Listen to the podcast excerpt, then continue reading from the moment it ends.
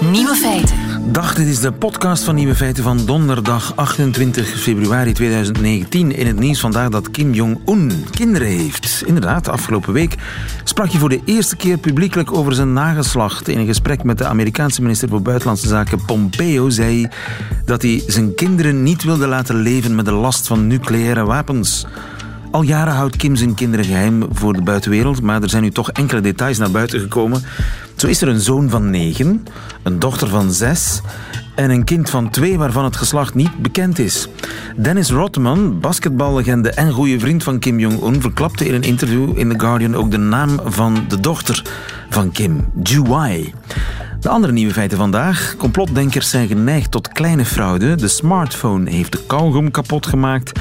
Linkshandigen kunnen beter vechten. En leraars zien meer en meer leerlingen dwepen met extreem rechts. De nieuwe feiten van Arnoud van den Bossen hoort u in zijn middagjournaal. Veel plezier. Nieuwe feiten. Gelooft u in complottheorieën? Bijvoorbeeld dat de klimaatbetogingen opgezet spel zijn? Dat soort complottheorieën? Wel, dan heb ik slecht nieuws voor u. Want dan is de kans uh, niet klein dat u de fiscus of de verzekering probeert op te lichten. Dag Christophe Dont. Goedemiddag, lieve. Je bent onderzoeker aan de Universiteit van Kent en uh, sociaal psycholoog, Universiteit van Kent in Zuid-Engeland. Het zijn uh, collega's daar van u aan de Universiteit van Kent die ruim 250 proefpersonen hebben onderzocht. Wat hebben ze met die mensen gedaan? Ja, die hebben dus, um, ja, ze hebben eigenlijk twee studies uitgevoerd. En de eerste was inderdaad een, een vragenlijststudie met meer dan 250 uh, respondenten uit Engeland.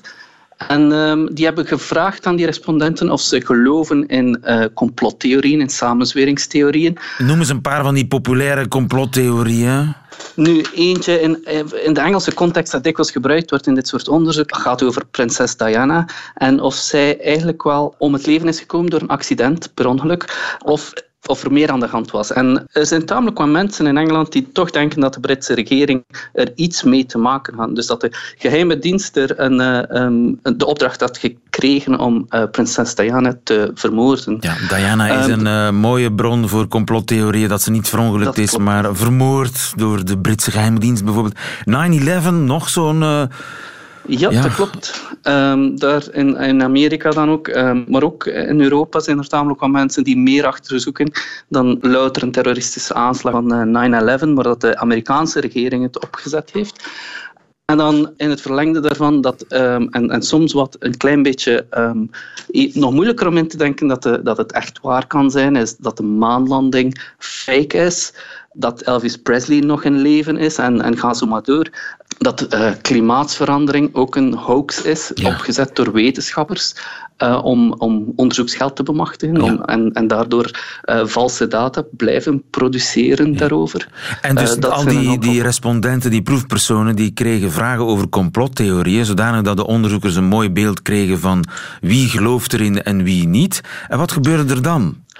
Um, dan hebben ze ook gevraagd aan die respondenten hoe vaak en of ze enige intentie hebben in het plegen van uh, kleine criminele feitjes, zoals um, vooral zaken waar je financieel voordeel kan uithalen, uh, de verzekering oplichten door valse claims in te dienen, belastingen ontduiken en, en gaan zo maar door. Um, dikwijls te maken met zaken dat mensen toch niet zodanig erg vinden um, of niet categoriseren onder de zware criminaliteit en ook zelf gemakkelijker kan stellen als ja. ze weten uitvinden hoe het moet een beetje belasting ontduiken, een beetje een schadevergoeding opstrijken waar je geen recht op hebt.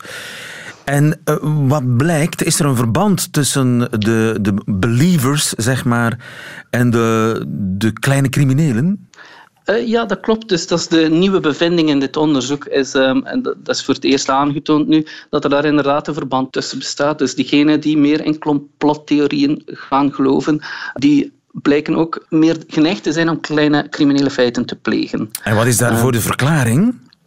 Wel, um, de onderzoekers, mijn collega's hier, hebben daar een verschillende verklaringen voor. Maar binnen het bredere kader van hun onderzoek lijkt het erop dat, uh, dat het wantrouwen in, in, in de machthebbers in de politiek en in de maatschappij, dat die normvervaging daar een rol speelt. Dus dat men denkt dat die regels um, niet meer tellen, gezien um, de machthebbers zich ook niet meer um, het spel eerlijk spelen. En op die manier gaat men ook meer gaan uh, zelf de intentie hebben om, om zaken te doen die niet tot de sociale normen behoren of ja, ja. de wetgeving naleven.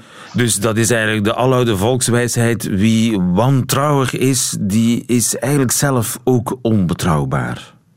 Ja, dat klopt, daar, daar, lijkt het, uh, dat lijkt inderdaad uit te wijzen uit dit onderzoek. Dat men eigenlijk niet meer de motivatie heeft. Men is um, een, een beetje uh, ontrokken van de maatschappij. Dus gaat men ook niet meer volgens de regels van de maatschappij gaan spelen. Ja. En um, minder betrouwbaar als persoon uh, uit de hoek komen. Dan. Eh, maar er was ook een tweede onderzoek. Hoe ging dat? Ja, dus in dat eerste onderzoek, doordat het een vragenlijst was, kon men niet echt bepalen wat het oorzakelijk verband tussen die twee variabelen waren. Of uh, kleine criminaliteit leidt tot meer geloof in conspiracy of de andere weg. En dus in een tweede studie, een experimentele studie, hebben ze een, een, de helft van de proefpersonen een tekstje laten lezen over de dood van prinses Diana, dat er een samzwering uh, achter zat. Maar dan de kritische test was dan ook of um, die, ook, die mensen, diezelfde mensen dan terug aangaven of ze meer geneigd waren om criminele feiten te gaan plegen, die kleine ah. criminaliteit. Dus, en, dat, en dat bleek inderdaad uit het onderzoek. De effecten waren niet zeer sterk, maar je kunt ook moeilijk mensen um, van alles wijs gaan maken op zo'n korte tijd. Maar er was duidelijk wel een effect uh, in vergelijking met de controlegroep. Dus, ja, ja. Dus als je mensen blootstelt aan complottheorieën, dan zijn ze vervolgens sterker geneigd tot kleine criminaliteit. Ja, dat is toch wat ze zelf aangaven in, uh, in de vragenlijst achteraf. Ja, en dat zou kunnen bewijzen dat uh, het oorzakelijk verband in die richting gaat. Dus dat je niet ja. eerst een kleine crimineel bent en vervolgens geloof hecht aan complottheorieën, maar dat eerder omgekeerd is. Door het feit dat je omringd wordt door complottheorieën, dat je dan meer geneigd bent tot uh, ja, uh, kleine fraude. Ja, dat klopt. Um, dus het omgekeerde verband werd niet getoetst. Dus dat kan nog altijd zijn dat dat verband ook bestaat. Maar wat men wel heeft aangetoond, is dat het um, blootstelling aan complottheorieën zal leiden tot um, meer een sterke intentie tot kleine criminaliteit. Desinformatie creëert criminaliteit. Dank je wel, Christophe Donte aan de Universiteit van Kent voor ons in Engeland. Goedemiddag. Goedemiddag, dank u wel. Nieuwe feiten. Dan de vermeende ruk naar rechts in de klas, naar extreem rechts zelfs. Leraars maken zich zorgen, trekken aan de alarmbel. Ze weten niet hoe ze moeten reageren op leerlingen die plots blijken te dwepen met Dries van Langenhoven en met het extreemrechtse gedachtegoed van zijn schild en vrienden. Reporter Brecht de Volderen die trok naar de Meijer in Antwerpen op zoek naar geradicaliseerde jongeren en sprak ook met de directrice van het Atheneum van Antwerpen, Karin Heremans, die met dat soort problemen begeleidt. Naast mijn directeurschap voor deze school geef ik ook uh, vormingen. Uh, polarisatiemanagement uh, in samenwerking met de docentkazerne en het gemeenschapsonderwijs.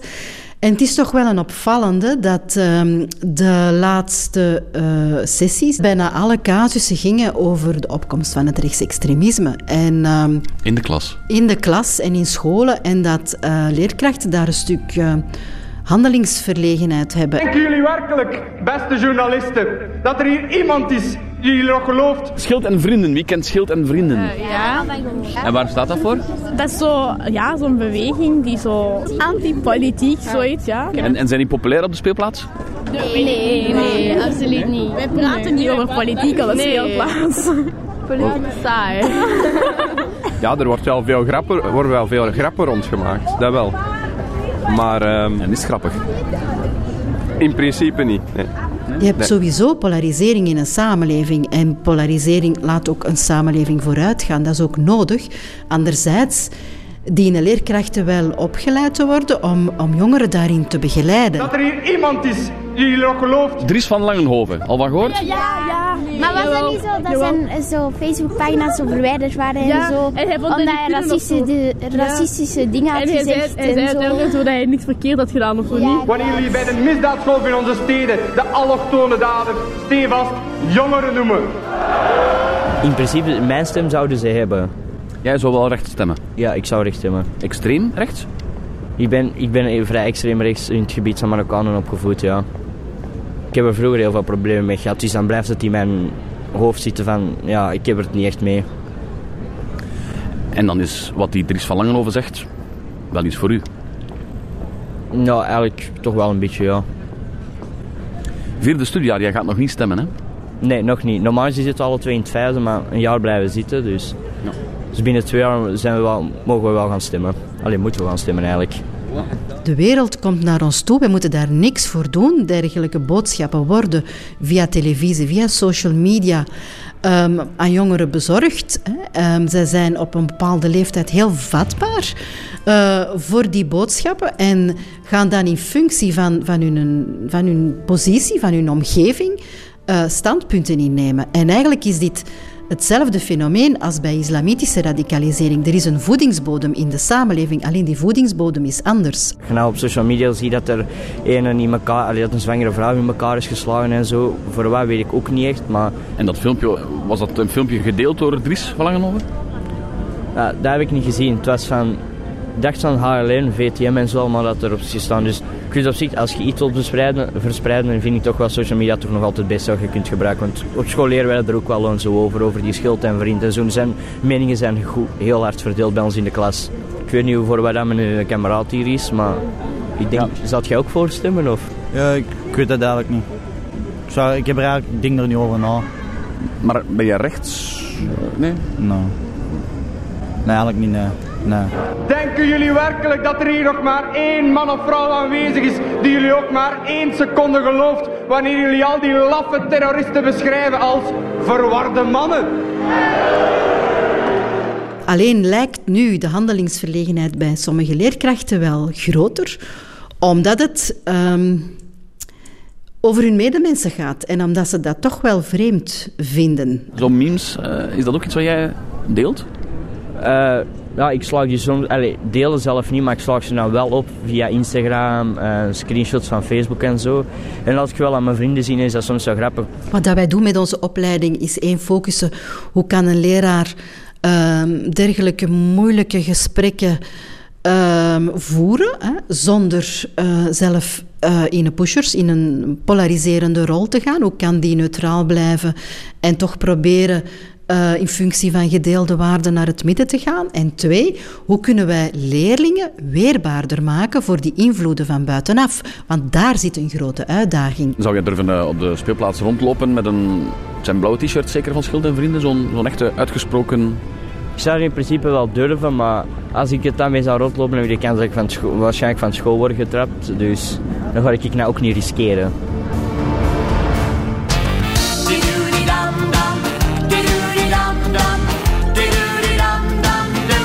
Nieuwe feiten. Heeft de smartphone de kauwgom kapot gemaakt? Maarten Reinders, goedemiddag. Goedemiddag. Journalist bij de Volkskrant. Je hebt een, eh, een boek geschreven over dingen die niet de bedoeling waren. Ja, dat, eh, dat was niet de bedoeling, zei het boek. D- dat was niet de bedoeling, zo heet het boek ook. En wat was niet de bedoeling van de smartphone? Nou ja, dus sinds de smartphone zijn opmars eh, is begonnen, eten we in West-Europa bijvoorbeeld een kwart minder kauwgom. En op het eerste gezicht ben je geneigd om te denken van nou, dat heeft niks met elkaar te maken. Hè? Dat is eh, een beetje een, een correlatie in de trant van eh, in jaren dat er veel films uitkomen met Nicolas Cage eh, in een rol. Verdrinken er ook meer Amerikanen in een zwembad. Dat is ook een correlatie die Ja. bestaat. Alleen, ja, dat, daar is... Er is geen oorzakelijk verband, alleen een correlatie. Nee. Maar er is in deze Nee. wel degelijk een oorzakelijk verband. Hier is wel een, ka- een kausaal verband inderdaad. En dat nou, het heeft best een tijd geduurd voordat ze dat ontdekten. Want eerst dachten ze van nou, het komt misschien door de vergrijzing of zo. Hè, dat er minder kauwgom wordt gegeten. Of uh, het komt omdat uh, we allemaal gezonder willen leven. En dan denken we dat kauwgom daar niet echt bij past. Maar toen was er een Franse directeur van een kauwgomfabrikant. En die zei in 2017 van nou, het heeft toch met die smartphone te maken. Want er wordt heel veel kauwgom gekocht eigenlijk als mensen in de rij staan bij de kassa. het is heel vaak een impulsaankoop. Je hebt je boodschappen op, het, op de band gelegd en je pakt nog een pakje kauwgom. En uh, omdat we tegenwoordig allemaal een smartphone in onze zak hebben, zijn we heel erg geneigd om als we moeten wachten, toch even die smartphone tevoorschijn te, te halen en dan uh, daarop te kijken. En het gevolg daarvan is dat we niet meer onze omgeving zien en dus ook niet meer die kauwgom opmerken. Dus die impulsaankoop niet meer doen. We zien de kauwgom gewoon niet meer staan aan de kassa als we moeten wachten, want als we wachten kijken we alleen maar op onze smartphone en hebben alleen daar oog voor. Geweldig. Dus het klopt. De, de smartphone heeft onbedoeld de kauwgomverkoop gekelderd. Ja, dat had Steve Jobs toch niet voorzien? Uh, nee, dat was niet de bedoeling. Uh, Zij, en, en, hoe kwam je op het idee om een, een geheel boek te schrijven over wat allemaal niet de bedoeling was? Ja, het idee is eigenlijk een beetje ontstaan in 2015, 2016. Ik woon zelf in Amsterdam en daar had je toen een hele serie uh, schietpartijen op uh, coffeeshops, waar dus softdrugs worden verkocht. Mm -hmm. En ehm, ja, de, wat er dan gebeurde was dat de gemeente die sloot die coffeeshops als er was geschoten, met het oog op de openbare veiligheid. En bij de zevende schietpartij begon ik me toch wel af te vragen of het feit dat de gemeente die coffeeshop sloot niet ertoe leidde dat er weer nieuwe schietpartijen uh, plaatsvonden. Dus... Want als jij nou een concurrent was van zo'n coffeeshop, dan dacht je van ik stuur daar s'nachts iemand langs en die schiet daar een paar uh, kogels uh, door het ruit. ja, ja, ja, en dan doet de gemeente de rest voor me. Dat is niet alleen niet bedoeld, het is totaal contraproductief. Je bereikt het omgekeerde van wat je eigenlijk bedoeld hebt. Ja, ja, helemaal. Dus inderdaad, op een gegeven moment hebben ze het ook bij de gemeente hier in Amsterdam bedacht. En toen zijn ze gestopt met het direct sluiten van coffeeshops. Toen stopte ook die schietpartijen meteen. Dus uh, vermoedelijk was daar ook een duidelijk oorzakelijk verband. En toen begon je te denken, dat zal misschien nog wel vaker voorkomen... dat dingen precies omgekeerd uitpakken. Neem nu bijvoorbeeld de, de, de auto met slimme snuffen. Dus uh, ja, ja, er zijn natuurlijk de afgelopen jaren worden er allerlei nieuwe uh, technieken toegevoegd aan, aan de auto's. Hè. Dus uh, ja, zelfremmende systemen of rijstrookassistentie of parkeersensoren. En die zijn eigenlijk opgericht om het natuurlijk comfortabeler en veiliger te maken om auto te rijden. Ja, maar gebeuren en, er sindsdien minder ongevallen? Rijden min, mensen minder paaltjes omver als ze parkeren omdat ze parkeersensoren hebben? Nou ja, de grap is dus dat de mensen die in zo'n slimme auto rijden, die rijden meer schade dan mensen die in eigenlijk een domme auto uh, rijden. Uh, dat is onderzocht door iemand hier in Nederland. En uh, zijn verklaring was van, ja, hij heeft eigenlijk twee verklaringen. Het eerste is dat mensen gewoon die snufjes niet begrijpen. En dan zetten ze ze weer uit of ze raken in paniek als opeens een stuur begint te trillen. En hè, dat er bijvoorbeeld, dat is dan een voorbeeld van rijstrookassistentie. Dus, andere... Snuffen zijn te slim voor de mensen. Precies. en het andere probleem is dat mensen, als ze het wel begrijpen, dan krijgen ze een soort van vals gevoel van veiligheid. Ik hoef niet eens meer dus te dan... kijken. Nee, precies. Mijn auto dus roept wel als ik iemand zal, al zal uh, naderen. Klopt, klopt. Dus die onderzoeker zelf had het ook meegemaakt. Want die had dus uh, uh, ja, van die parkeersensoren. En die, die, die, gaan piepen als hij dan te dicht in de buurt van een paaltje komt. Uh, maar toen had hij op een dag zijn muziek zo hard staan dat hij het piepje niet meer hoorde. En toen reed hij alsnog ergens tegenaan. Ja. Ja, dus veilige auto's kunnen soms wel onveilig zijn. Kunnen zuinige auto's ook uh, meer verbruiken? Uh, nou, er is wel een, een, theorie. Dat is uh, bedacht al in de 19e eeuw door een Britse econoom, Jevons. En die zegt van ja, op het moment dat iets zuiniger wordt, gaan mensen er ook weer meer gebruik van maken. En wel dusdanig veel dat het totale verbruik uiteindelijk toeneemt. En dat heb je ook wel een beetje gezien bijvoorbeeld bij auto's. Die zijn uh, dan vanaf de jaren zeventig uh, door wetgeving onder meer een heel stuk zuiniger geworden. En een van de gevolgen daarvan is dat het natuurlijk ook aantrekkelijker wordt om een auto aan te schaffen. Want in, in, het, in het gebruik wordt het dan minder, minder duur. Ehm, dus je ziet dan bijvoorbeeld in Amerika, waar dat heel erg heeft gespeeld dat dan het totaal aantal verreden autokilometers uh, uh, toch uh, toeneemt. en dat zie je ook wel bij meer dingen. Dus bijvoorbeeld met verlichting. Van het wordt ook natuurlijk steeds goedkoper door. En dan gaan we meer lichten ophangen. Of koeling. Ja. het wordt ook goedkoper. En dan, ja, dan maken we veel meer gebruik van airconditioning. Of hebben supermarkten veel grotere vriesvakken. Ja. Dus ja, het, soms is dat ook contraproductief, inderdaad. Energiebesparing leidt soms tot meer energieverbruik. En zo kan ik wel een tijdje doorgaan. Antiterreurmaatregelen leiden tot meer terreur. Uh, dat, dat, zou ook nog kunnen. En in, Parijs deed zich ook wel een heel aardig uh, voor, uh, voorbeeld voor. Dat is niet direct een contraproductief iets, maar nou, gedeeltelijk wel. Daar hadden ze na elf stemmen hebben ze bedacht van we gaan de prullenbakken die daar staan. dat waren allemaal dicht, dichte prullenbakken op straat. En die gaan we openmaken, zodat de politie kan zien of er misschien een bom in zit. Hè, die daar door ja, ja de, al, al, de vuilbakken moesten weg. De metalen onderzichtige vuilbakken moesten weg. In de plaats kwamen de doorzichtige plastic zakken. Klopt. En dat had één onbedoeld gevolg. En dat was namelijk dat de rattenpopulatie ontzettend begon te groeien. Want die konden opeens veel makkelijker bij al het eten wat mensen in die uh, vuilnisbakken weggooien. Omdat ze alleen nog maar door die plastic zak hoefden heen te bijten. En niet ingewikkeld uh, in, in een prullenbak moesten klimmen. Dat dus, was niet de bedoeling. Dat was zeker niet de bedoeling. Nee. nee. maar dus er is een rattenplaag ontstaan na de antiterreurmaatregelen in Parijs na 9-11. Ja, klopt. Ik zit nog verder te zoeken. Wat, geneeskunde kan ziek maken? Nou ja, dat is. Uh, uh, je hebt uh, allerlei. Eigenlijk zou je kunnen zeggen. alle bijwerkingen van medicijnen. Dat zijn natuurlijk ook onbedoelde gevolgen. Hè. En nou ja, je weet dat het heel moeilijk is om medicijnen echt zo te maken. dat ze alleen maar doen waarvoor ze bedoeld zijn. Dat ik denk dat iedereen die wel eens medicijnen gebruikt. en de bijsluiter leest. zich daarbij iets kan voorstellen. Ja. en je had een heel maf gevolg in India. daar zagen ze in de jaren negentig. dat opeens de witregier. dat die populatie ontzettend begon terug te lopen. En daar ze aanvankelijk helemaal geen eh, goede verklaring voor.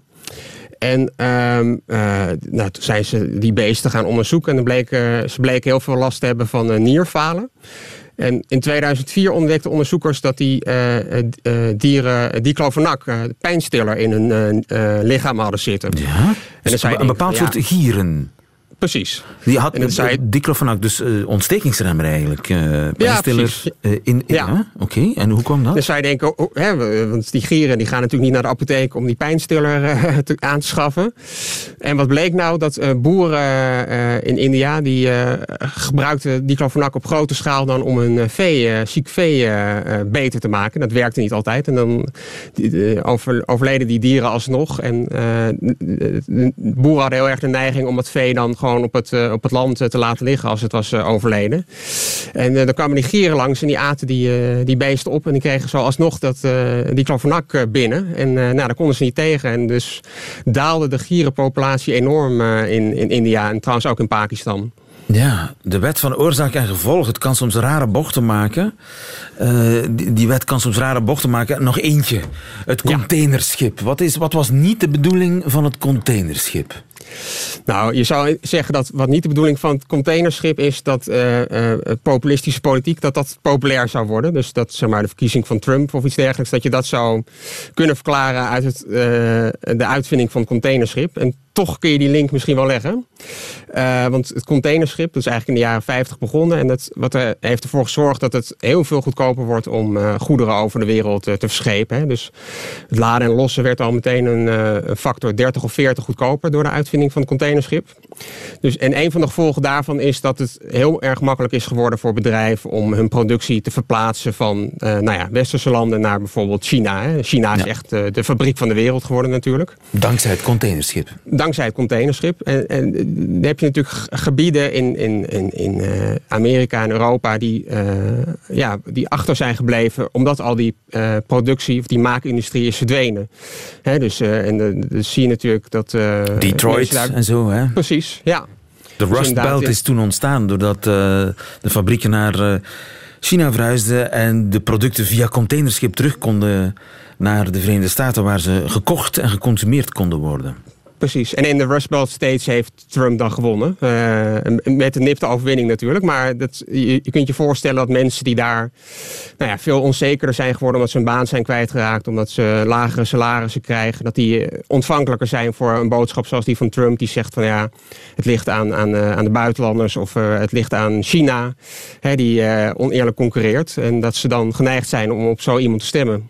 dus dat is inderdaad een onbedoeld gevolg van een uitvinding van het containerschip. Ja, dus Donald Trump het containerschip dankbaar zijn. Dat was niet de bedoeling. Het boek eh, is in de winkel en het is geschreven door Maarten. Maarten Reinders, dankjewel. Goedemiddag. Hele fijne middag. Dag. Dag.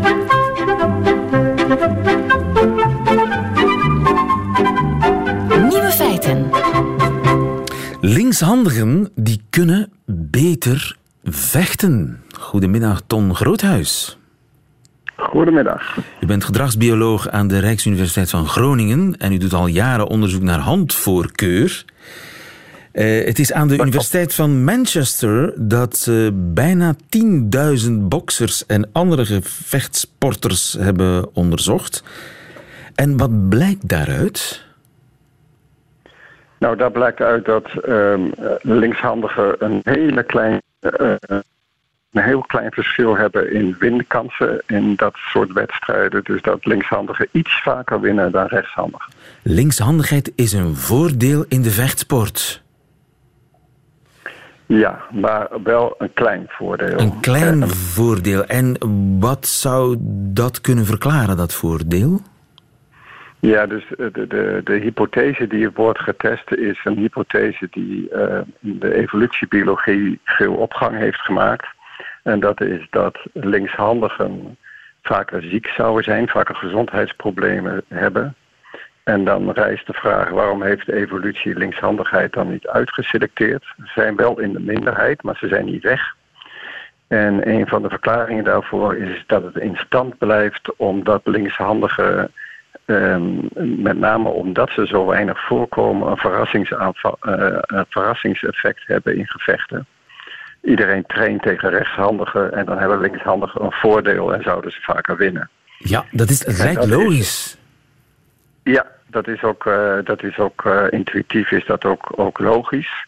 Um, daar is onderzoek aan gedaan op verschillende manieren. Een van de dingen die ook dit, dit artikel heeft bestudeerd is of linkshandigen vaker in gevechtsporten voorkomen dan rechtshandigen. Dat is inderdaad het geval. Oké. Okay. Uh, maar dat zegt niet zoveel, want dat kan ook betekenen dat linkshandigen gewoon meer affiniteit hebben tot gevechtsporten. Dat hoeft helemaal niet te zeggen dat ze vaak uit winnen. En nou zijn er een aantal studies die hebben echt naar die winkansen gekeken. Die hebben dat nooit overtuigend kunnen aantonen. Wij hebben dat zelf ook niet kunnen aantonen. Maar deze studie die is wat bijzonder in de zin dat ze echt heel veel mensen hebben bekeken. Dus data hebben geanalyseerd van heel veel uh, uh, twee typen vechtsporten. En daar hebben ze op zich een goede analyse over gedaan. En daar blijkt inderdaad uit dat die linkshandigen een kleine, iets grotere kans hebben zeg maar, om te winnen dan rechtshandigen. Maar de vraag rijst of dat hele kleine verschil eigenlijk wel betekenisvol is voor evolutie om daarop te selecteren. Ja, ja of het wel betekenisvol genoeg is om te verklaren waarom linkshandigheid bestaat. Nog steeds bestaat. En zij hebben toen gedacht van nou, we kunnen nog een aanvullende analyse doen. Want die hypothese die zegt eigenlijk niet eens alleen dat linkshandigen vaker moeten winnen, maar dat het ook afhangt van hoe vaak die linkshandigen voorkomen in de populatie. Als ze uh, vaker zouden voorkomen, dan is het natuurlijk zo dat het verrassingseffect kleiner wordt. Ja. En dan zou dus ook de winkans kleiner moeten zijn. Nou, daar hebben ze eigenlijk geen bewijs voor gevonden. Ja, want er zijn eigenlijk, neem ik aan, weinig samenlevingen waar er meer linkshandigen zijn. Of bestaat dat toch, dat er een soort bijna 50-50 verdeling is? Nee, het, het, het, er zijn dus, zeg maar, als je over de hele wereld kijkt, in allerlei gemeenschappen, dan is die kans op linkshandigheid ongeveer 10 procent. Ja. Maar er zijn uh, gemeenschappen waar die kans op, waar de frequentie van linkshandigen tot, laten we zeggen, 15% gaat. Uh, en wij hebben recentelijk gevonden in een, uh, in een populatie um, waar de, de linkshandigheid frequentie maar 3% is. Maar 3%? En, ja, dat was exceptioneel laag. Dat en bizar. dat was eigenlijk ook een populatie waarin men verwachtte dat de linkshandigheid juist heel hoog zou zijn, omdat dat mensen waren die heel veel, dat was een pre-industriële uh, gemeenschap, waar heel veel werd gevochten vroeger. Er werd, er werd veel oorlog gevoerd. En wij vonden dus juist een extreem lage linkshandigheid. Dus wij hebben die hele hypothese nogal. Um, ja, ja. Zeg maar, dus nog, nog, nog, lang niet alle vragen zijn opgelost in verband met linkshandigheid. Ik hoorde u net vertellen dat linkshandigen meer ziek zijn. Klopt dat? Nou, dat is dus ook iets waar, uh, waar de literatuur eigenlijk niet over uit is. Er zijn een paar voorbeelden daarvan. Maar er zijn ook genoeg voorbeelden waar dat eigenlijk niet uitkomt. En wij hebben eh, een paar jaar geleden echt een hele grote studie met 20.000 mensen gedaan om te kijken of er een verband was tussen linkshandigheid of rechtshandigheid en ziekte. En een collega van ons heeft dat uh, ook in Engeland gedaan en daar kwam eigenlijk geen verband uit. Dus ook die aanname dat linkshandigheid geassocieerd is met vaker ziek zijn, daar is nogal wat discussie over of dat nu echt het geval is of niet. Ja. En een addertje onder het gras daar is, is dat linkshandigen, die zijn ook vaak, uh, die, die, die verschillen dus niet alleen in dat ze vaker de ene hand gebruiken de, uh, in plaats van de andere hand, links vaker dan rechts, maar ze verschillen ook uh, in het feit dat ze vaak minder sterk ehm, gelateraliseerd zijn. Dus dat de handvoorkeur minder sterk is. Aha los van de richting. En dus die gebruiken wat vaker beide handen. En wat wij nu hebben gevonden is dat die associaties voor linkshandigheid, die lijken vooral te liggen met de associatie van hoe sterk iemand gelateraliseerd is. Dus hoe sterk die handvoorkeur is. En niet zozeer met of het nou links of rechts is, wat die handvoorkeur is. Oké. En um, ja, daar is er eigenlijk nog maar heel weinig onderzoek aan gedaan. Lateraal georiënteerd zijn. Dat is ja, een, een met je brein. Met je brein, ja. Het is een heel boeiende materie, maar in ieder geval wat we wel kunnen besluiten is dat linkshandigen vaker beter kunnen vechten. Of dat ook een verklaring is voor het bestaan van linkshandigheid, dat is nog een moeras. Ja. Dankjewel, Ton Groothuis. Goedemiddag. Ja, oké, okay, graag gedaan. Nieuwe feiten. Middagjournaal. De Vlaming moet dringend een inhaalbeweging doen op gebied van taal ten opzichte van de Nederlander. Wij Vlamingen durven te weinig te spelen. Nederlanders daarentegen zijn net creatiever en inventiever. Meer nog, ze vinden gewoon nieuwe vormen van Nederlands uit, zoals de vaagtaal. Dat is het tenenkrullende bazentaaltje waarmee je manager niet alleen wil aantonen dat hij in controle is, maar ook dat hij bij het selecte clubje van ingewijden hoort. En ik moet toegeven, ik heb hier diepe bewondering voor, want het klinkt zo mooi, het is haast poëtisch. Door een gelukkig toeval kreeg ik ooit een lijst doorgestuurd van een Rotterdamse meid die voor de fun zoveel mogelijk vaagtaaluitdrukkingen had bijgehouden. Ik zal je de mooiste exemplaren niet onthouden. Hier gaan we dan met de minicursus. Je kan een project afkaderen. Afkaderen. Is dat niet mooi? Dat betekent vooraf bepalen wat wel en niet tot de opdracht behoort. Of vraag eens terloops aan een collega terwijl je hem nonchalant een papiertje toestopt: Kan jij deze klacht eens doorakkeren? Liefst twee spaden diep. Doorakkeren, dat is analyseren. En twee spaden diep, dat is grondig analyseren. Heerlijk toch, het glijdt gewoon binnen. En begin vanaf nu ook creatief gebruik te maken van het woord stukje. Stukje, daarmee kan je zowat alles iets lichter laten klinken. We gaan de afdeling finance een stukje downsizen. Een stukje, ach, wat denk je dan? Dat wil zeggen, we gaan dus de boel sluiten. Kan ik dit even tegen je aanhouden? Geef toe, dat klinkt veel hipper dan. Mag ik jouw mening eens vragen over mijn idee? Wil je echt eens indruk maken? Zeg dan eens op het einde van een vergadering: Jongens, we zijn nu al heel de tijd uit de losse heup aan het schieten. Is het geen tijd om het net op te halen? Want het wordt tijd om te trechteren. Respect verzekerd.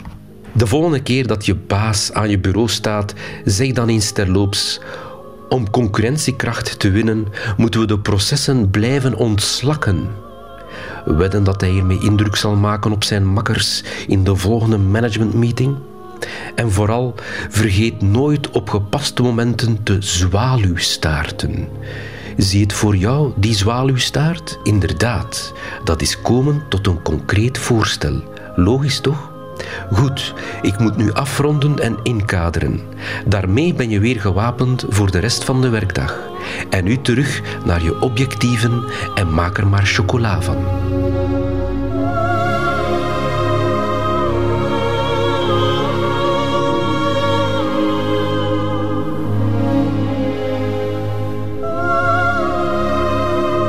Arnoud van den Bossen ingekaderd in het middagjournaal. Einde van deze podcast, maar u vindt er nog veel meer op radio1.be en op de gebruikelijke podcastkanalen. Tot volgende keer.